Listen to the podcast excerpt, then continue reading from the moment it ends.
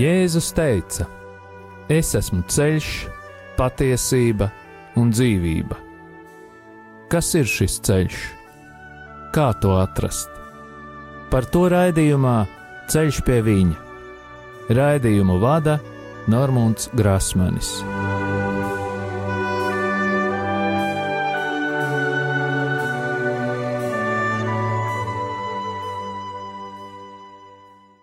Lai ir slavēts Jēzus Kristus.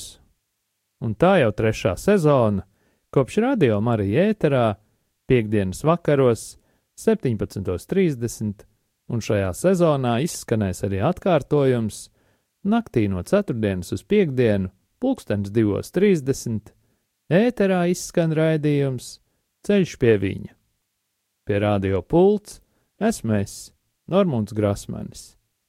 Vēlos atgādināt, ka raidījuma e-pasta adrese ir ceļš pie viņa at gmail.com.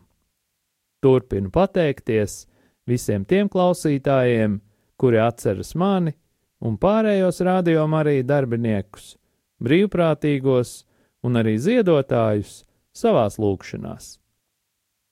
Vēlos pateikties katram klausītājam, kurš ar savām lūkšanām vai finansiālo ziedojumu atbalsta Radio Mariju skanējumu ēterā, lai Dievs bagātīgi svētī katru atbalstītāju un arī visus mūsu kopumā.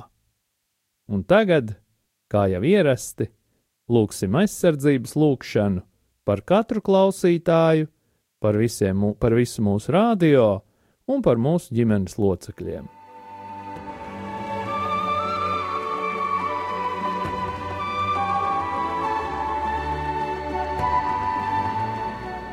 Jēzus Kristus vārdā mēs pārņemam autoritāti pār savu ģimeni un sasaistām visus ļaunos spēkus un varas gaisā, telpā, zemē, ūdenī, pazemē, dabā un ugunī. Dievs, tu esi kungs pāri visam visumam, un mēs atdodam tev slavu un godu par tavu radību Tavā vārdā, Kungs, Jēzu Kristu, mēs sasaistām visus demoniskos spēkus, kas ir nākuši pār mums un mūsu ģimenēm, un ieslēdzam mūs visus tavu dārgo asiņu aizsardzībā, kas mūsu dēļ tika izlietas pie krusta. Marija, mūsu māte, mēs lūdzam tavu aizsardzību un aizbildniecību pār mums un mūsu ģimenēm ar svēto Jēzus sirdi. Ietin mūsu savas mīlestības apmetnī un sakauj mūsu ienaidnieku. Svētais ērceņģeli Mihēlu un visi mūsu sargeņģeļi, nāciet aizsargāt mūsu un mūsu ģimenes šajā cīņā pret visu ļauno, kas ir šajā pasaulē. Jēzus Kristus vārdā un caur viņa dārgajām asinīm mēs sasaistām visas ļaunuma varas, un pavēlam tām atkāpties šajā brīdī no mums, mūsu mājām un mūsu zemes. Mēs pateicamies Tev, Kungs, Jēzu, jo Tu esi taisnīgs un līdzjūtīgs Dievs. Āmen! Jēzus Kristus vārdā un viņa krusta un viņa izlieto asiņu spēkā. Mēs sasaistām jebkura ļaunuma varas spēku garus un pavēlam tiem lai tie nebloķē mūsu lūgšanas.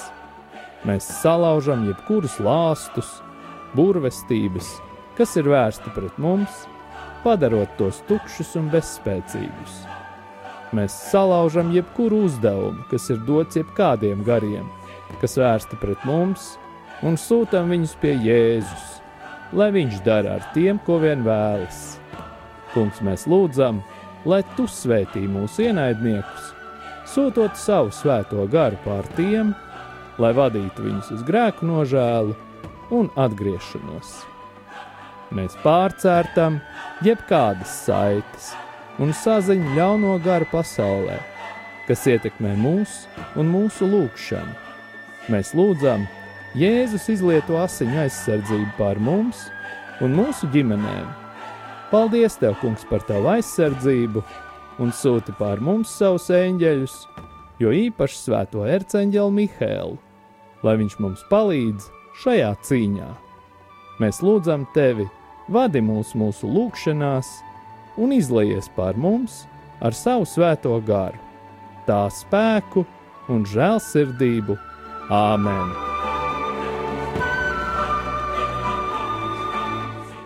Un tā, šovakar runāsim par dziedināšanas sistēmu, kas saistīta izmantojot dārgakmeņus un to enerģētisko spēku.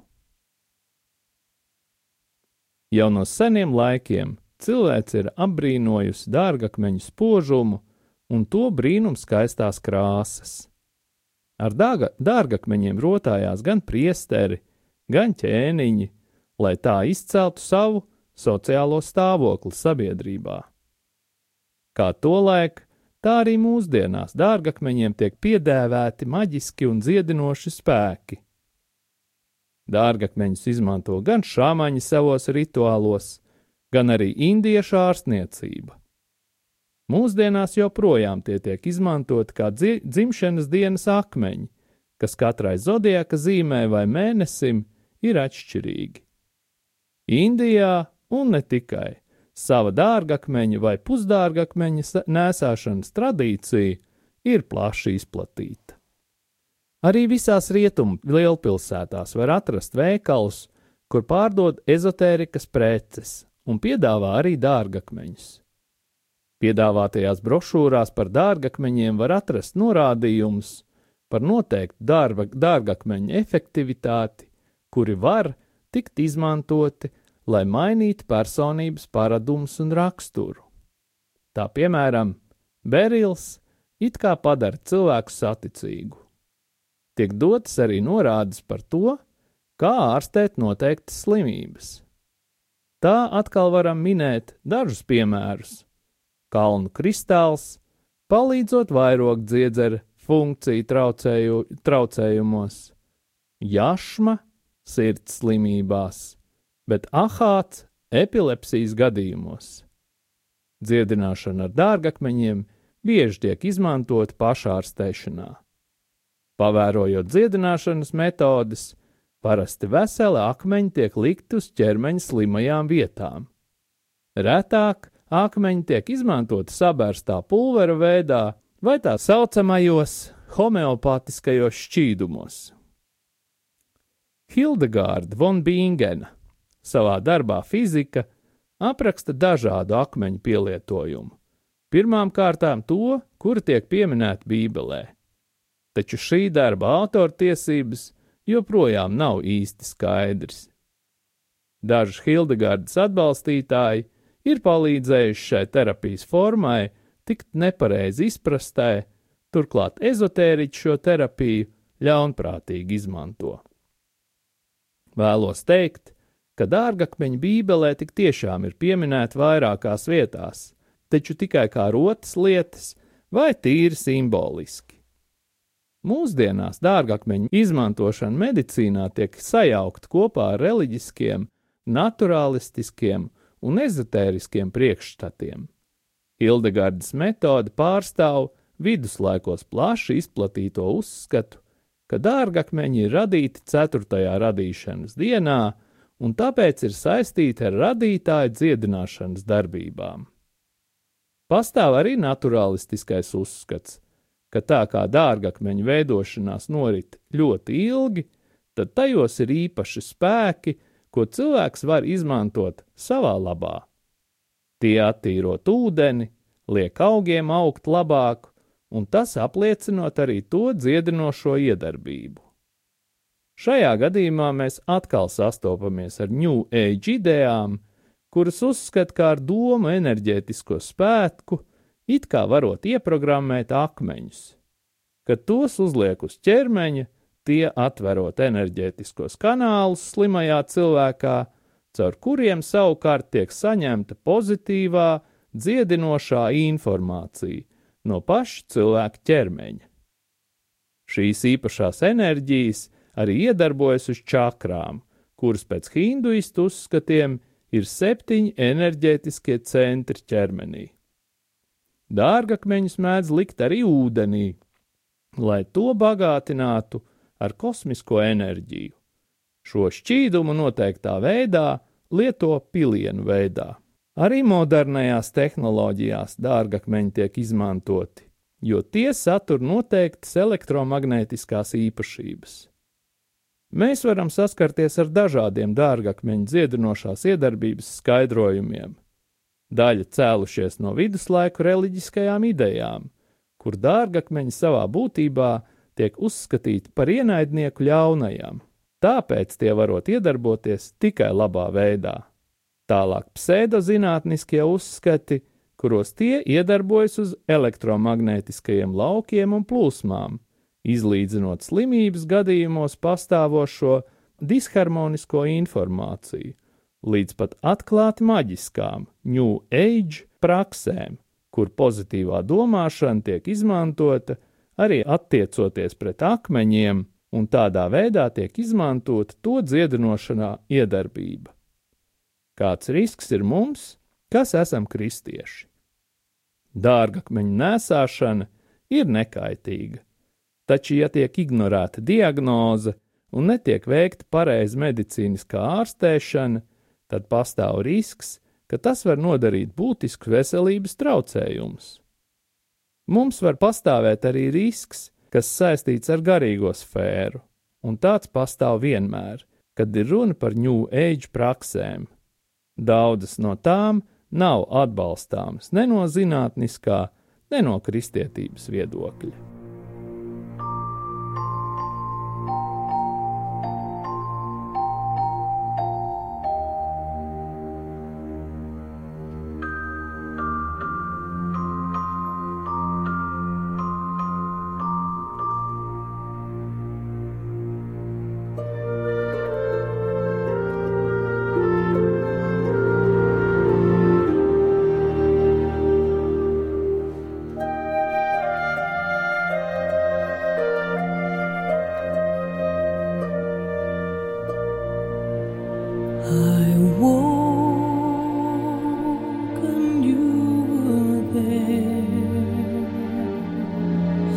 beside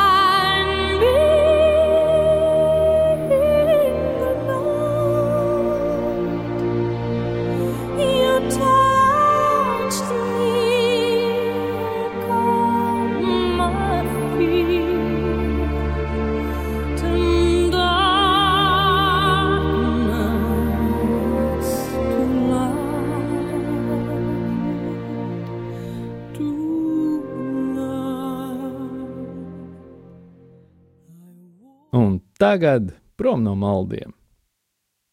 Pastāvīgie klausītāji zina, ka es vadu ģimenes dziedināšanas seminārus. Tā kā tie jau ir bijuši trīs, tad var izdarīt kaut kādus secinājumus.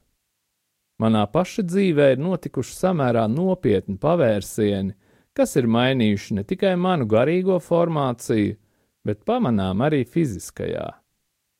Jau no jaunības dienām es biju bijis tā, nu, ja tā var teikt, protestants, jo esmu protestējis pret ģimenes tradīcijām, pret attiecību modeļiem un tā tālāk. Dzīves peripetīs bija iegriezušās ne tajā labākajā gultnē. Manu uzskatu un attieksmes pret naudu dēļ mana finansiālā situācija bija neapskaužama, un šī tendence ievilkās arī laikā, kad jau bija atgriezies un pat jau kalpoju. Neiedziļināšos detaļās, bet situācija nebija īsti laba. Konkrētāk runājot, pēc tam, kad izgāja ģimenes dziedināšanas programmu un sāku šo programmu popularizēt citiem, nācās pastrādāt arī ar savām attieksmēm un arī lūgt par pagātnes notikumiem. Parādījās tādas jomas manā dzīvē, kurās ar savu rīcību un lēmumiem biju atvēris ļauno garu ietekmēm un viena no tām bija finanses. Biznesā, kā jau citās dzīves sfērās, ir savi likumi, un daudzos gadījumos šie likumi ir atšķirīgi no kristīgās morāles. Taču, kā jau mēs zinām, tad grēks paliek grēks. Vienalga, vai tas ir liels vai maziņš, caur šo darbību mūsu ģimenes sistēmā ienāk ļaunais gars. Un es nekādā veidā nebiju tiesīgs novelt vainu vai atbildību uz citiem, ieskaitot ļauno garu, jo pēdējais vārds vai izvēle vienmēr paliek aiz manis un vispārināti ņemot aiz katra cilvēka. Lai kāds arī būtu kārdinājums, mums vienmēr ir iespēja pateikt nē. Manā rīcībā biznesa jomā bija vesela kaudze ar slēptiem grēkiem attiecībā pret dievu, cilvēkiem un naudu.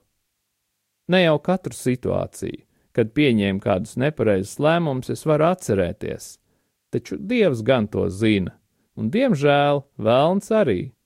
Tādēļ vēlni interesēs ir, lai es tās neatcerētos un dzīvot ar mierīgu sirdsapziņu. Savukārt Dievs, kā mīlošs tēvs, gaida mūsu atļauju, arī manu, darboties mūsu dzīvēs. Es savā laikā nokritu Dievu priekšā uz ceļiem un lūdzu, lai Viņš mani apgaismo, jo es negribu dzīvot kā nabaks cilvēks, kurš nepārvalda savu dzīvi. Un Dievs uzdāvināja man šo semināru, kur vadīja tēvs Jāzeps Semakula. Es skaidri ieraudzīju, ka ar saviem nepareizajiem lēmumiem attiecībā pret Dievu, kuru pirms atgriešanās laikā nepazinu, esmu atgrūdis. Ar saviem nepareizajiem lēmumiem attiecībā pret cilvēkiem un naudu esmu atvēris durvis ļaunajam garam, un, ja tā var formulēt, noslēdzis noteiktus līgumus ar vēlnu.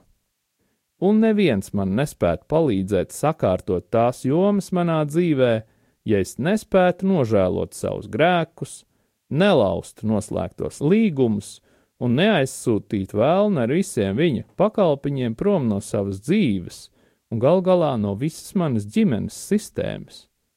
Un tikai pēc tam bija iespējams kaut kādas pārmaiņas manā dzīvē un arī manas ģimenes sistēmā.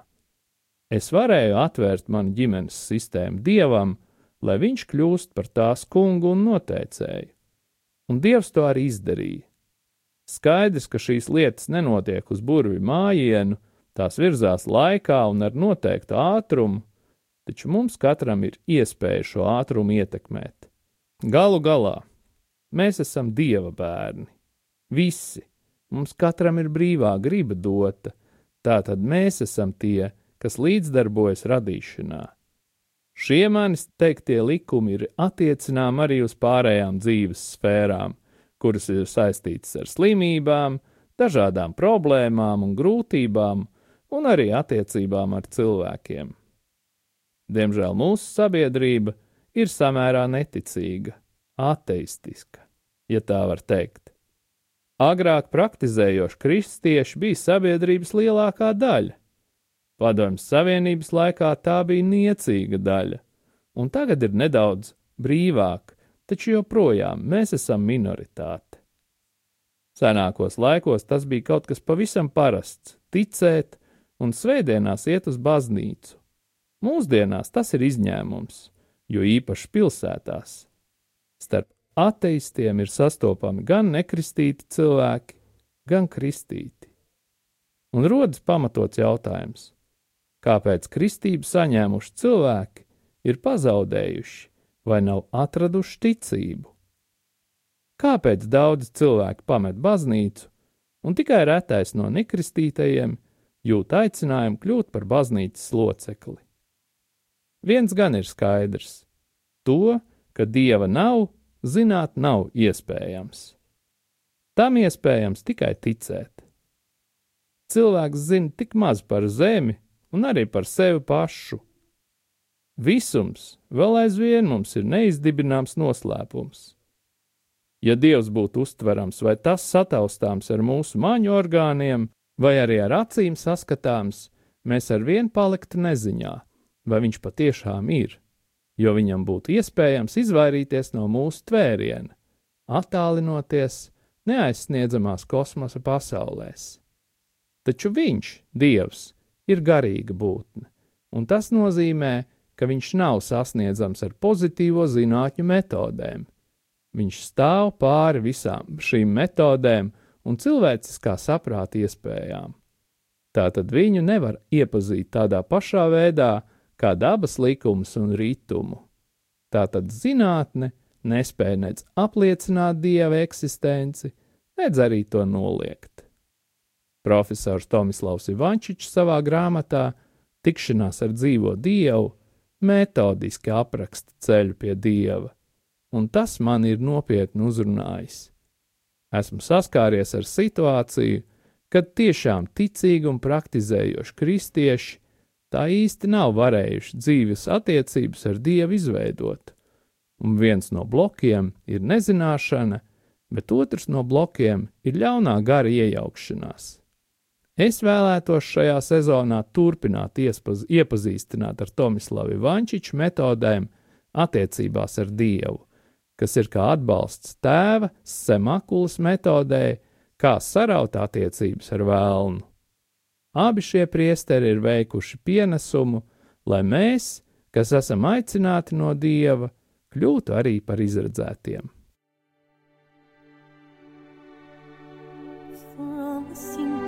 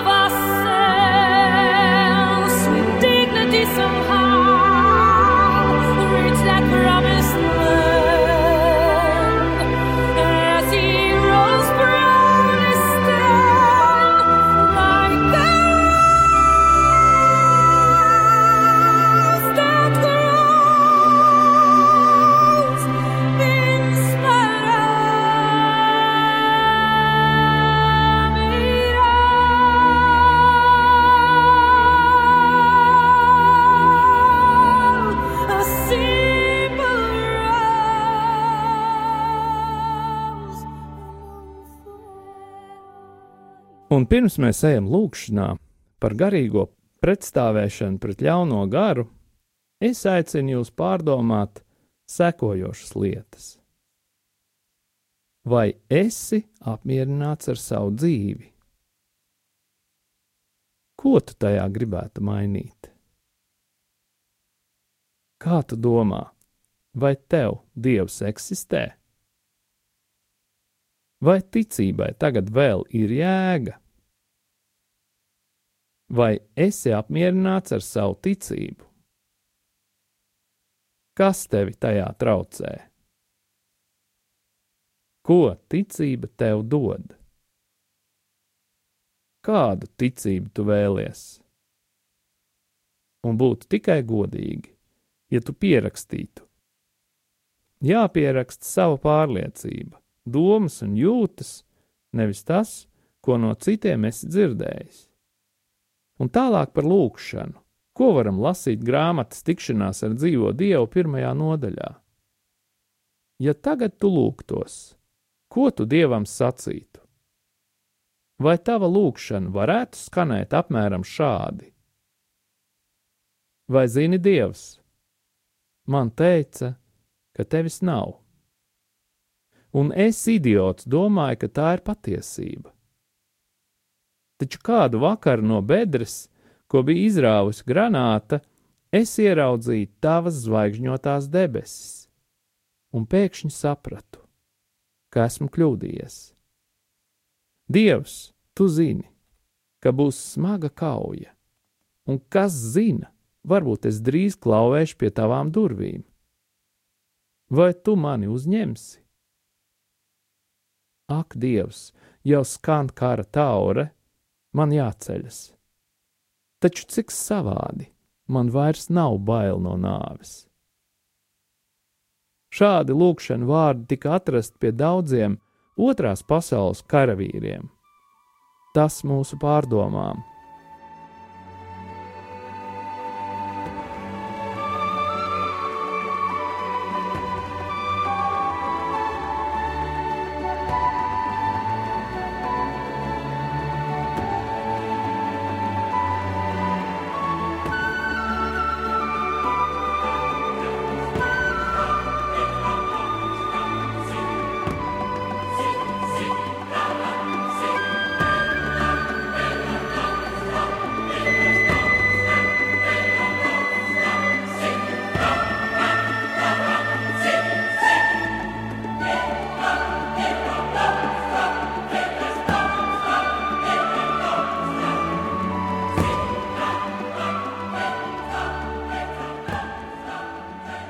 Un tagad mēs iestājamies lūgšanā pret sātana sistēmu un tās darbībām mūsu ģimenēs.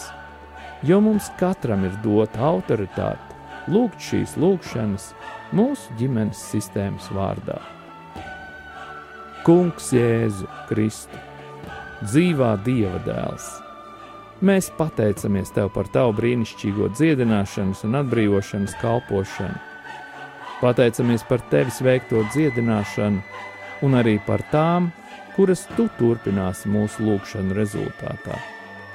Mēs saprotam, ka mūsu cilvēciskā daba nespēja panest mūsu slimības un ļaunumu. Tādēļ lūdzu, attīri un šķīstī mūs no jebkādām skumjām, negativitātes, izmisuma, kuru mēs iespējams esam uzņēmuši. Ja mums ir bijis kārdinājums padoties dusmām, neiecietībai vai iekārai. Attīri mūs no šiem kārdinājumiem un aizstāj tos ar mīlestību, prieku un mieru. Ja mūs jau kādā veidā ir pārņēmis un nomācis kāds ļauns gars, Jēzus vārdā mēs tev tagad pavēlam aiziet zemes, gaisa, uguns vai ūdens gars, nāves valstības vai dabas gars tieši pie Jēzus, un lai tiem notiek pēc viņa gribas. Nāc svētais gars, atjauno mūs, piepildi mūs atkal ar savu spēku, savu dzīvību un savu prieku. Stiprini mūs tur, kur jūtamies vāji, un apklāj mūs ar savu gaismu, piepildi mūs ar dzīvību. Marija, visu svētā Jēzus māte, mūsu māte Svētais arcāņģēl Mihēl, mēs tev pateicamies par jūsu aizbildniecību. Kungs Jēzu lūdzu sūti savus svētos eņģeļus kalpot mums un mūsu ģimenēm, apsargāt un aizstāvēt mūs no visām slimībām, ievainojumiem un nelaimes gadījumiem. Lai mūsu ceļojumi ir droši, mēs tevi slavējam, tagad un vienmēr, Tēvs, Dēls un Svētais Gars. To visu mēs lūdzam Jēzus svētajā vārdā, lai tas tiek godināts Āmen. Un tagad saņemiet pāvesta Franciska svētību. Kungs Jēzus Kristus, lai ir pār mums, lai mūs svētītu, lai ir pie mums, lai mūs pavadītu, un lai ir ar jums un mums, lai mūs aizsargātu, lai mūs svētītu Dievs Tēvs un Dēls un Svētais Gars lai asins un ūdens, kas izplūda no Jēzus Kristus sirds, izplūst pār mums un lai šķīstī, atbrīvo un dziedina. Saņemiet svēto garu, Dieva tēva un dēla un svētā gara vārdā Āmen!